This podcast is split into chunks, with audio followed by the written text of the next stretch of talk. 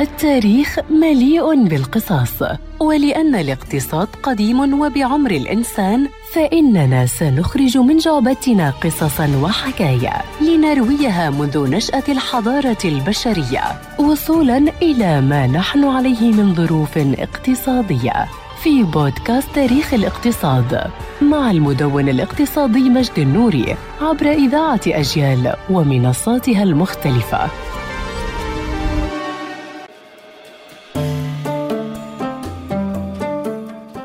المطبخ. أو ما يسمى بنواة المنازل. الشيء الذي تطور قبل مئات آلاف السنين وما زال من أحد أكثر العناصر القابلة للتطوير عبر الزمن بشكل لا يمكن تخيله. المتأمل فيه سيجد تداخلات بين العلوم والاقتصاد والعمارة والمفاهيم الثقافية المختلفة. وسيجد أن العلوم والاقتصاد قدم للمطبخ الكثير وأن المطبخ أيضا كان معبرا عن الاقتصاد وتطوره والتعبير عن مدى التطور الذي وصل إليه الاقتصاد. وأساس المطبخ هو موقع موقد النار كما كان يعرف باللغة اليابانية. حيث أن الإنسان عرف النار كأول عنصر من عناصر المطبخ بل وكانت النار نفسها تطورا ثوريا لغذاء الإنسان والذي يقال أن الإنسان عرف طهي الطعام قبل 400 ألف سنة. وكان المطبخ يتطور بتطور الحضارات وتطور اقتصادياتها. من الحداثة المقتصرة على الأثرياء في زمن الرومان وصولا إلى الحضارات الإسلامية التي عرفت المنازل فيها المطابخ بشكل اعتيادي ووصولا إلى عصر النهضة الأوروبية والتي شهد فيها المطبخ تطور مستلزماته.